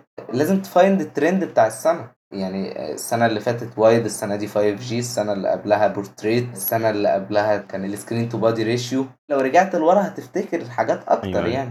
بس هو أنا حاسس إن يعني أنا عقبت على الكاميرا وكاتبها ك points والحوارات دي كلها. مش. بس علشان هم اتكلموا عليها extensive في ال presentation which they do every آه. year بس okay أنت قلت مثلا Apple مش بتقيم أو مش مش- جزء كبير مثلا من ال users بي upgrade وا year over year بس أنت محتاج regardless ال upgrade cycle بتاعت ال users بتوعك إيه. أنت محتاج لما تيجي بقى ميعاد السنة ويجي شهر تسعة ويجي وقت ال presentation محتاج تتكلم على موبايل ده أحسن في إيه. فال pattern إن هم كانوا كل مرة بيتكلموا على الكاميرا ومنطقي إن طول ما إحنا بنمشي قدام إن ال rate of improvement eventually هيقل علشان هتبقى الكاميرا وصلت لل level sophistication أو ال technology بت hit limits أو في limitations imposed من الفيزياء من ال من ال manufacturing facility بتاعتهم من whatever فاهم؟ بس الكاميرا لك key point بيتكلموا عليه زي ما بتقول كل سنة. اللي هو تمام. worth إن إحنا نقعد نفصص فيه شوية لأ إحنا كده، كده لازم نتكلم عليه، بس أنا بس اللي عايز أقوله إن أنت already الstatistics بتتعمل، فأنت تعرف كام user عندك من بتوع الموبايل السنة اللي فاتت، وكام user من السنين اللي فاتت كلها، وكام منهم more likely إن هو يupgrade السنة دي. فأنت لمّا تيجي تشوف الموضوع ده ممكن تفوكس على حاجات كتيرة أوي في ال مش في الareas of improvement كده، كده أنت الموبايل وأنت بتيجي تعمل الموبايل نفسه، بتعمله بالإمكانيات اللي معاك، يعني مش مش بتbreak barriers عشان يعني مثلًا السنة دي سنة الwide مثلًا الwide angle. Apple مش هتروح مثلًا قصدك. الultra wides آه، مش هتروح تinvest كل الفلوس في الultra wides وال5G عشان هُم الtrend. لأ، هيinvestوا في الموبايل كله evenly بقى مش evenly هيختلفوا، بس إيه اللي هيركزوا عليه في المؤتمر، هيركزوا على الحاجة اللي هتخليهم يبيعوا، فالحاجة اللي هتخليهم يبيعوا ديّة اللي شايفه يعني زي ما أنت قُلت هُم محتاجين كل سنة ناس تشتري في شهر 9 بس أنا مش شايف إن التركيز بتاعهم على اللي اشترى منهم السنة اللي فاتت أو اللي بيشتري منهم كل سنة، التركيز بتاعهم على 2 users أهم، اللي جاي من أندرويد ربنا يهديه. فاهم، تعالَ، تعالَ عندنا تعالَ يعني آه، تعالَ، تعالَ، تعالَ، تعالَ بسرعة. هات فلوسك، هات فلوسك هات وهات لنا فلوس السنة الجاية. عشان مش هتاخد شاحن ودي حاجة لازم لازم أقولها أنا إنها مضحكة اللي جدًا. ضايقني أكتر من إن هُم شالوا الشاحن، إن هُم شالوا Apple sticker. عندك واحد بس في الbox اللي هو أنا على طول بيبقى عندي 2 هو أنت بترميه في الocean والّا واحد إيه؟ با troll بيه والتاني باسيبه. أنا كده ها troll بالوحيد اللي معايا، طب هيبقى ما معيش حاجة تانية. ما عشان ما ترموش في ال ocean عشان اللي هو السلاحف. عليها badge Apple. هتعدي ال $1000 خلاص probably. كده هاحط ال XDR display ع على السلحفاة. تمام. بس فباقول لك يعني اللي هو دايمًا مش هتلاقي ال focus بتاعهم على ال الuser اللي شاري الموبايل بتاع السنة اللي فاتت، وإيه اللي هيعجبه وإيه اللي مش هيعجبه، الfocus على الناس اللي جاية جديدة والناس اللي جاية من ورا، يعني واحد معاه 6 أظن فاهم Apple هتعمل كل الحاجات اللي ممكنة عشان ترخّم عليه إن هو يشتري موبايل جديد، even إنها تنزّل له update يخلّي الموبايل بتاعه شتي زي 11 زي iOS 11 يعني ده أظن أظن يعني الله أعلم. إن هو ترول من الشركة عشان أي حد معاه iPhone 6 يحس إن هو عايش في جحيم. أنا أتمنى إن أنا ما كنتش عملت upgrade ل10.3.3 وهي دي السنة شوف شوف يا سبحان الله شوف الpattern هي دي السنة اللي لغوا فيها إن أنت ترجع للupdates القديمة، نفس السنة اللي نزل فيها 11 لو أنت كنت على 10 كان ممكن ترجع لحد تقريبًا iOS 8 في 11 ما كانش ينفع خلاص أنت كده stuck أنا معانا صحيت هنا. من ال من الدرج عندي الدرج؟ 5 كده كان ميت، اديته حياة. يا ساتر. ونوّر تاني ورجع يتكلم وبتاع، فبابُص على الsoftware بتاعه وقتها كان واقف على 10.3.3 تمام؟ ده مستحيل لا، تupgrade هو كان. وقف، كان ده آخر حاجة موجودة عنده. آه، دلوقتي في هاليلويا. 14 يعني هو آخر حاجة خدها كانت من 4 سنين، لذيذ، لذيذ. فلسببٍ ما صابعي راح على software update as you usually do فاهم؟ لو أنت أنا. لو أنت مصحّي موبايل فرُحت على بالموت. software update فلقيت إن في update، update على موبايل آخر update واخده كان من 4 سنين 10.3.4 فنزّلته وحياتي اتغيّرت. I didn't know إن في 10.3.4 the أساسًا. more you know. actually S7 Edge نزل له security update امبارح تقريبًا والّا أسبوعين. اللهم صل على النبي. في حاجات غريبة بتحصل الأيام ديّة، وactually النضارة بتاعة جوجل بتاعة 2012 أو يا جدع. 2013 نزل لها update تاني قريب، يعني هم سابوها 5 سنين ونزلوا لها security update ونزلوا لها update قريب، هو تقريبًا في حاجة اتغيّرت فاهم في الworld of internet مش هتعرف تخش على النت. بتحصل في جوجل هناك. تعالَ نتكلم على الbox برضه بتاع الأيفون، اتشال منه Apple sticker. وقُلنا اتشال منه طبعًا الشاحن. طبعًا طبعًا طبعًا يعني حركة اهم. سخيفة إن الشاحن يتشال. تمام، ما شالوهوش في فرنسا، بس شالوا أفتكر فرنسا. السماعة اللي رجعت في مش السماعة آه. هو صح السماعة. كنت curious أعرف لو حد مسقّط إحنا بنتكلم على إيه، فاللي هو فرنسا في عندهم زي قانون كده أو بتاع، إن لو أنت هتشتري جهاز يبقى معاك طريقة تسمع بيها audio من من الجهاز ده يعني من غير ما تحطه على ودنك.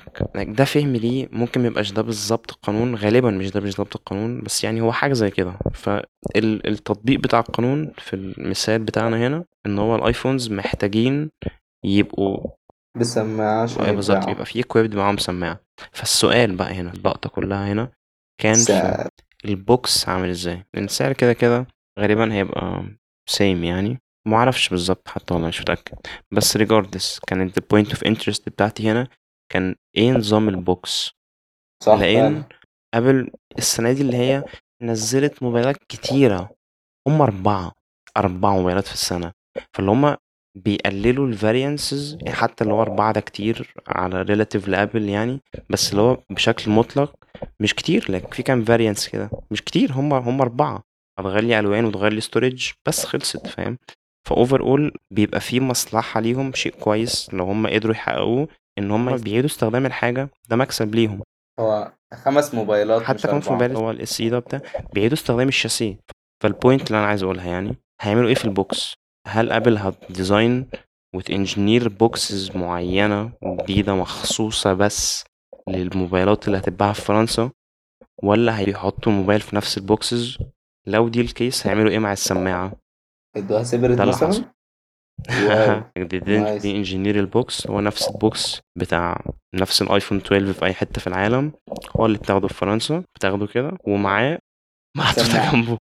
يلا هدية اهي تيم كوك بيديها لك وهو ومطلع مكشر لسانه. بس الشيء السيء الش... إيه ده إيه ده إيه اللي قلته أنا دلوقتي ده؟ الشيء السخيف فاهم ده أصعب أصعب حاجة في الدنيا الشيء السخيف لما جم شالوا السماعة من ال box لما جم شالوا ال headphone jack والحاجات دي كلها حصلت وقت ال AirPods introduction ساعتها Yeah. كانوا حضروا الناس اللي هتشتري iPhones قبلها بسنة وبسنتين إن هم كانوا عارفين أكيد إن هم هيشيلوا eventually ال headphone jack سنة كذا مع الايفون كذا وهيقدموا مكانه ال product كذا اللي هو ال AirPods يعني. فهم بيبقوا عارفين in advance هيشيلوا. like أكيد مخططين الحوار ده يعني. فالسخيف اللي عملوه إن هم لما جم شالوا الراس الشاحن من البوكسات السنة دي ما كانوش مجهزين ومسستمين ال users بتوعهم في السنتين أو السنة اللي فاتوا اللي هو الناس اللي جابت ال 11 و possibly ال 10 R وال 10 S ما كانوش مجهزينهم بشاحن بديل أو شاحن ممكن يستعملوه لما eventually ابل تشيل راس الشاحن من ال box وده اللي هي عملته. وده اللي حصل في سامسونج. انهم جهزوا الموضوع clearly ده. دي الطريقة اللي تعمل بيها الحوار ده. clearly لو انت بالظبط هتشيل حاجة وانت عارف ان انت هتشيلها ومخطط ليها in advance تحضر ال users بتوعك. وابل clearly understands الحوار ده علشان هم عملوا كده مع ال headphone jack وال AirPods لما حطوا في ال box ال adapter أنا عايز برضه أقول عشان حاجة. من أك... أكتر الحاجات اللي اتباعت على ابل أكتر store حاجة آه في وقت من الأوقات. وعلى Best Buy وحاجات كده.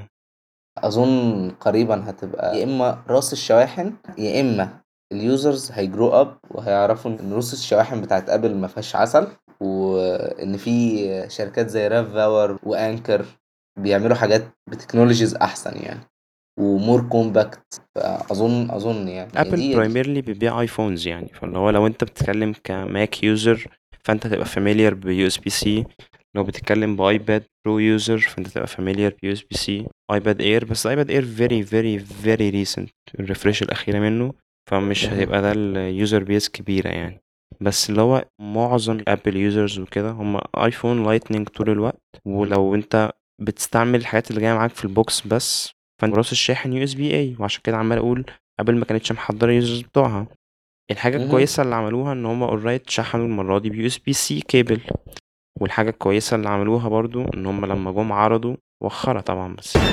لما جم عرضوا راس الشاحن على ال website المرة دي حاطين راس شاحن 20 واط USB-C. ده significant علشان كل ال iPhones اللي كانت بتتشحن بالشاحن اللي جه في ال box لحد ال release الأخير بتاع اللي هو الآيفون 11 كلهم كانوا 5 واط في ال box فده شحن بطيء.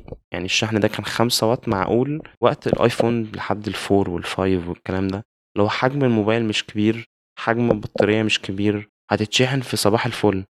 أما. بقالهم كذا سنة الموبايلات بت support fast charging بس مش موجود في ال box. وهيبقى user experience كويسة للناس اللي هتجيب ايفون 12 وهتلاقي الشاحن معاه USB-C فهتروح تجيب adapter USB-C أو راس شاحن يعني وتشحنه وتلاقي الموبايل بيشحن بسرعة هيتبسطوا طبعا. يفضل ما كانوش يحتاجوا إن هم يجيبوا راس شاحن بس أنا أقصد إن هو مع ال transition ده ال users اللي هيجيبوا الموبايل ده starting من دلوقتي لقدام الموبايلات اللي هتيجي قدام وهيجيبوا لها separate راس شاحن كل ال users دول هي fast charge موبايلاتهم كلهم علشان starting من 20 واط حتى لو 10 واط لو 15 هيبقى فارق عن خمسة بكتير فال fast charging كويس. ابل ما حضرتش users ده less كويس. الموضوع في سامسونج متحضر أظن أحسن. زائد إن كمان من الحاجات اللي سامسونج ال rumors إن تسرب اي كي جي هيدفونز بيو اس بي سي فأظن هيتشال ال headphone jack مش عايز أقول eventually عشان ما يبانش إن أنا فرحان بس eventually عشان فاهم سامسونج came down to reason يعني. خلاص يلا شيلوا بقى من ال S series هيتشال من ال S series مش هيتحط شاحن. مش هيتحط راس شاحن. بس الموضوع ان انت عندك من اول Note 5 أو S 5 15 واط. أو كمان ممكن 4 وموبايلك أساسا ممكن يشحن انت S 20 Ultra تقريبا. actually في ال box مع S 20 Ultra 25 واط. النسخة ال Exynos معاك 25 واط في في ال box. وتقريبا بي max عند 40 بس still انت ما بتاخدش ال maximum اللي انت تقدر تاخده بس بتاخد حاجة sufficient enough انها ما تخليكش ت think ان انت عايز تشتري واحد تاني وانت already معاك راس شاحن يعني. وأنا بتكلم هنا عن سامسونج specially عشان هي ال head to head بتاعت ابل مش أنا كنت فاكرها هواوي بس I think يعني the trend has برضه حاجة يعني. على ال box عشان نبقى خلصنا الحوار ده. لما شالوا الشاحن وبتاع و Apple sticker عشان ده مش بشوفه mentioned online بشكل كفاية. ال sticker. هات لي ال sticker التاني لو سمحت. right تمام. مش عايز أبعت لك mail وهعمل CC لستيف جوبز. هيقراه من تحت. هيطلع لك في حلم ولا حاجة هيضايقك. المهم. فال boxes لما اشتروا الحاجات دي يعني قدروا إن هم يصغروا حجم ال box. هل ده significant طلع آه. طلع إن هم يصغروا box الآيفون. ده big deal ليه اشمعنى إيه اللقطة؟ فالفكرة إن هم دلوقتي okay ابل هتبيع انت عارف هتبيع كام؟ مئة ألف كام مليون نسخة ولا حاجة. لما تيجي تتكلم انت على حاجة بال scale ده فهيبقى عندك تخزين عندك نقل الحاجات دي كلها. فاللي حصل بعد ما صغروا حجم ال box في say دلوقتي في container معين هينقل iPhones. ال box ات اللي قبل كده say كان ال container ده ممكن ينقل ألف box تمام من point A ل point B. بعد ما ال box صغر وحجم ال container ثابت إحنا بنتكلم عن نفس ال container. ال container اللي كان بيشيل ألف box دلوقتي بقى بيشيل ألف وسبعمية box. ألف وسبعمية آيفون فاهم؟ في الحجم بتاع الألف بس. تيم كوك ده شخص أصلا like على ال executive team ده مش واحد بتاع hardware design أو engineering ده مش واحد بتاع تشيبس مش واحد بتاع marketing مش واحد بتاع software ده واحد بتاع supply chain ده ال expertise بتاعه هو ده اللي بيعمله. هو ده precisely اللي بيعمله. thumbs up ليه إن هو يعمل حاجة زي كده. السنة دي milestone في حاجة زي كده. حاجة زي كده طبعا إن أنت ك user مش فارقة هتاخد ال box تفتحه وتطلع منه موبايل وهتحط ال box بقى في الدولاب ولا ترميه في أي حتة. بس ده حركة قوية جدا. 70% boxes زيادة في نفس ال volume. wow dude. ده fantastic. MagSafe عندك حاجة على MagSafe أنا شايف إن هي ال starting point no wires ده بالنسبة ل MagSafe حاجة عايز بس أفهمها. المحفظة اللي ورا بتقع بسرعة كده ليه؟ يعني هي مش المفروض محفظة تقريبا. بس فور ريل يعني. الجادجت سبكتاكولر وأظن المحفظة لما بتبيرها مع كيس تكون ميك سيف سبورت بتمسك أحسن. لا يعني موضوع موضوع كويس. إحنا بنإتريت على حاجة الشركات نسيتها. سبيشالي سوني يعني اللي أنا شفتها بدأت الموضوع ده أيام الاكسبيرينس بس يا آه كان نفسي والله سامسونج اللي هو تشوف البوتنشال بتاع التك ديت واتقتريت عليها بس زي ديدنت شابوه لأبل إن هي دخلت فيتشر زي ديت في موبايل. وقت إن أنت بتحاول تقلل الوايرز والتنجلينج بتاع الوايرز مع بعضها والكلام ده كله. كويس جدا. ده زائد كمان إن هو كان في حد اتكلم إن أنت الانرجي ويستد from wireless chargers all year تكفي تلات أيام المصانع اللي في الصين كلها شغالة. فده يعني bad for the environment وأظن من ال aspects اللي كانت المفروض ابل تتكلم عليها. ما خدتش بالي انهم اتكلموا عليها إن هو ال MagSafe هيوفر ال power يعني ال wasted اللي هي go through the air كنت بس ما لقيتش حاجة اونلاين بتتكلم على ال efficiency rate بتاع MagSafe آه أنا ما شفتش ال efficiency rate بس أنا first look ان انت هتقول ان ال efficiency هتزيد لانها هتبقى centered وثابتة وتمام مفيش مشكلة. فأنا شايف إنها حاجة كويسة. زائد كمان إن هي هتفتح لك باب يعني ال gadgets يعني زي المحفظة. زائد إن احتمال يكون في reverse charging للسماعة. أنا عايز أشوفها. أنا مش هراهن على الحوار ده. أنا مش هراهن على الحوار ده لأن أظن إنها كانت هتبقى marketing point عظيمة في المؤتمر لو اتقالت. وهتبقى يعني إضافة حوار واللي هو كان ممكن نقص لنا 10 دقائق من ال 5G فننجز نفسنا بيها. وعلى فكرة مش أول مرة يعني نشوف أبل اللي هي بتأخر feature اللي هو بعد سنتين تقول لك يلا هي ال feature ما السنة دي يتكلموا على ال U1 السنة مم. اللي فاتت حطوا ال U1 السنة دي قال لك إيه ده؟ استنى ده في U1 كنت حاططها السنة اللي فاتت ممكن تستخدمها السنة دي. كلمة على slide موجودة في حتة كده random فاهم؟ بالنسبة لابل إن هي تبقى leading في ال industry في حاجة على الأقل غير حاجات تانية كتير طبعا هي leading فيها. بس دي من الحاجات اللي أنت ك big player لازم تكون leader في technologies معينة. يعني مثلا لو أنت شفت موبايل بثلاث كاميرات بنفس ال arrangement بتاع ابل ورا هو مفيش. بس أنت لو شفت الشكل ده يعني هتقول أيوه ده زي ابل لو شفت إيه لو شفت مثلا صورة portrait crisp clear هتقول آه ده زي جوجل. بطارية ضخمة وفاهم وتقعد لك يومين على البطارية تقول ده آه. زي و insert brand صيني. بالظبط. وعلى فكرة دي دي interesting حاجة ممكن نتكلم عليها مرة تانية في حلقة. إن سامسونج مش من الشركات اللي بتحب إنها تبقى leader في ال industry بتحب تتأخر خطوة. ودي من الحاجات ال interesting enough إنها actually بتشتغل. إنها still سامسونج مع إنها في حاجات كتير فاهم؟ كان ممكن تعملها بدري شوية بس لأ اللي هو أما نشوف ه turn out well ما ولا لأ. بتعمل كده كتير برضو أكيد أنت ملاحظ يعني الحوار ده. wireless charging كان إمتى introduced مثلا على ال iPhones 2017 ولا حاجة. موجود من سنين على عالم اندرويد ال 5G introduced على iPhones متأخر سنة وخد من ده كتير يعني. دي حاجة حلوة إنها تعتبر leading يعني إن أنت تكون عندك magnets جوه جوه هو الموبايل. curious طبعا ال ecosystem بتاع الاكسسوارز هيمشي إزاي. ال starting point اللي إحنا فيها دلوقتي it should only improve وال variety تزيد سواء من first party accessories من ابل أو اللي هيبقى جزء أكبر من market ال third party accessory makers. curious أشوف هيعملوا إيه في السنتين الجايين. لو وغالبا ده اللي هيحصل ابل فضلت محافظة على ال MagSafe structure جوه الموبايل. بس كنا بنتكلم اللي هو لسه بتقول في شركات بتبقى leading في حاجات معينة وممكن تقلل ال pace بتاع ال development بتاعتها في حاجات تانية. اللي هو تسيب حد تاني هو اللي يخش يزق في ال areas دي وأنا أركز في ال areas بتاعتي. لو الشركة التانية أثبتت إن في market ممكن تغطي ال needs بتاعته. لو ركزت في سي fast charging ف okay ابدأ adopt الحوار ده. لو في market لل wireless charging ابدأ هو adopt الحوار ده.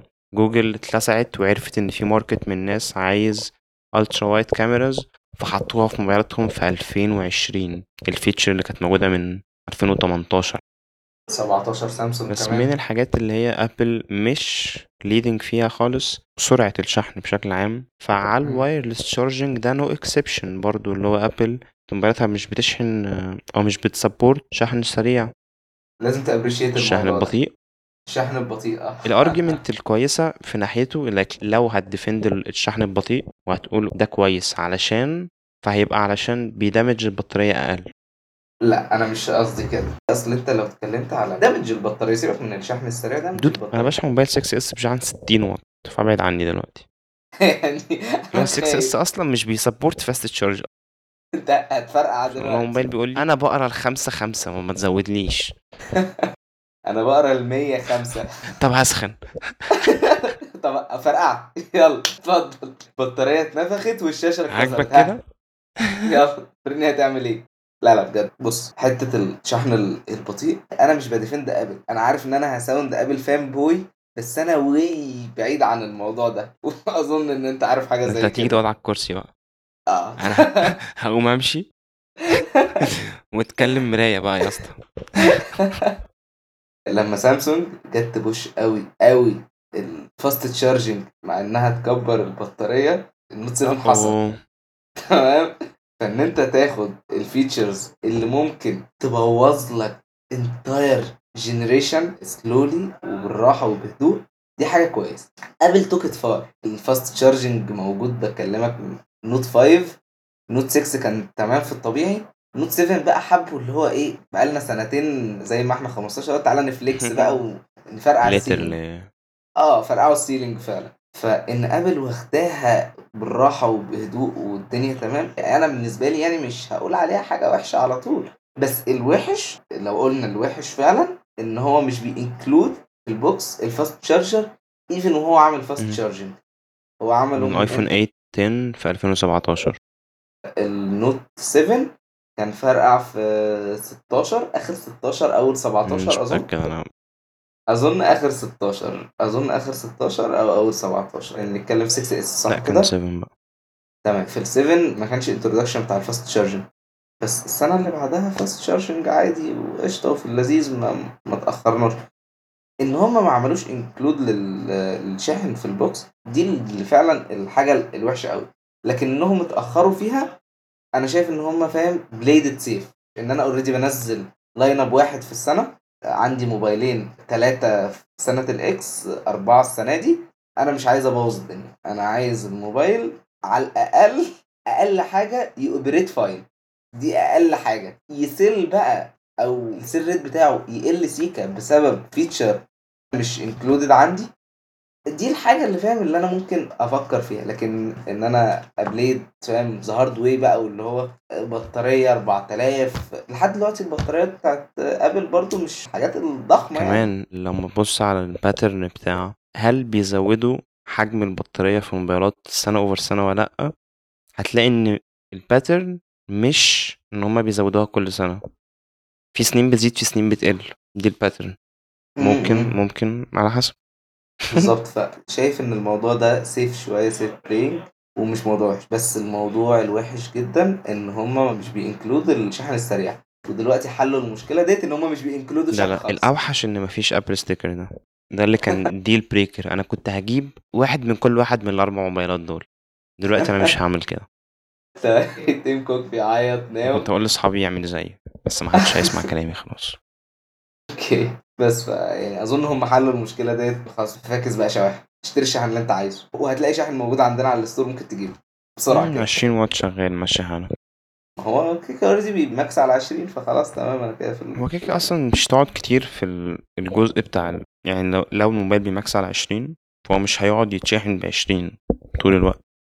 أكيد. هي fluctuate هيقعد حبة 20 في الأول بعد كده هي... هينزل.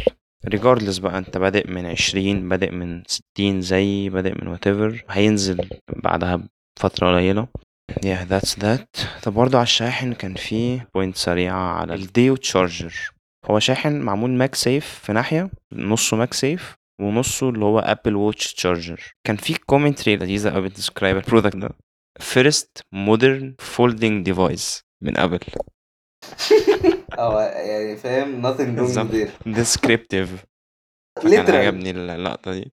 however ال reviews شفتها كانت طلعت سخيفة في الآخر. كنت متحمس لل accessory دي. بس ال reviews ودت انتباهي لحاجة أنا كنت عارفها. بس لسبب ما ما فهمتهاش في دماغي أو ما دخلتش جوه دماغي وقعدت كده وأقنعت بقية الخلايا جوه دماغي إن الدنيا ماشية إزاي. أنا بتكلم على ال magnetic attachment بتاعه. هو طبعا إحنا نقول MagSafe وبتاع فهو clearly في magnets في الموبايل بت attach على ال charging pad دي يعني وبتخليه مش بس يشحن wirelessly بس اللي هو يقعد على المكان اللي بيخليه efficient الموبايل بي attach عشان يبقى اللي هو ثابت في مكانه والكلام ده كله.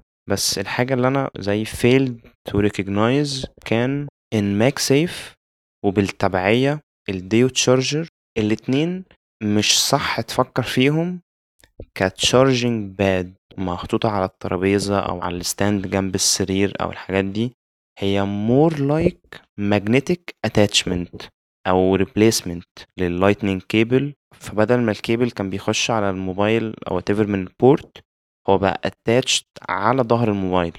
بس أنت بتمسك الموبايل وال MagSafe ده بيبقى لازق على ظهره. فزي ما بقول لك ال Duo charger بسبب إنه نصه MagSafe فأنت ممكن تفكر فيه okay دلوقتي أنت بتتحرك من مكان لمكان أو بت travel أو whatever. معرفش بتسافر ليه في كوفيد. آه عايش على ال edge فال Duo charger نصه MagSafe ونصه Apple Watch charger فلو أنت حاطط Apple Watch بتشحنها وحاطط موبايلك بتشحنه بعد كده جاي تستعمل موبايلك. فلو أنت مسكت موبايل وسحبته فالتجربة اللي هتحصل النص بتاع ال MagSafe الموبايل بي rest عليه هو physically attached بالموبايل فلو انت سحبت الموبايل من على ال من على charger ده ال charger كله هيجي مع الموبايل including كمان الساعة. فده اللي من ال reviews ال online يعني لقيتهم بيشتكوا من الموضوع ده بالظبط ان هو محتاج تفكر أو يبقى عندك بقى تكنيك فاهم؟ اللي هو إزاي أطلع الموبايل من على ال Duo charger من غير ما أوقع بقية الحاجات. new device new routine طبعا في third party solutions والكلام ده كله بس ك... كأول folding device من Apple كنت curious أشوف الطريق اللي هيمشوا فيه إزاي. I did it better than still Samsung. interesting device. It didn't live لل hype اللي كان في دماغي يعني. Alright that's it. لو الحلقة دي كانت interesting بالنسبة لك ف I do not run ads لل show و I do not run ads على البودكاست هنا. فبطلب إن أنت تعملها share على لشخص واحد بس. أنت عارف إن هو آه، مهتم بالكلام ده.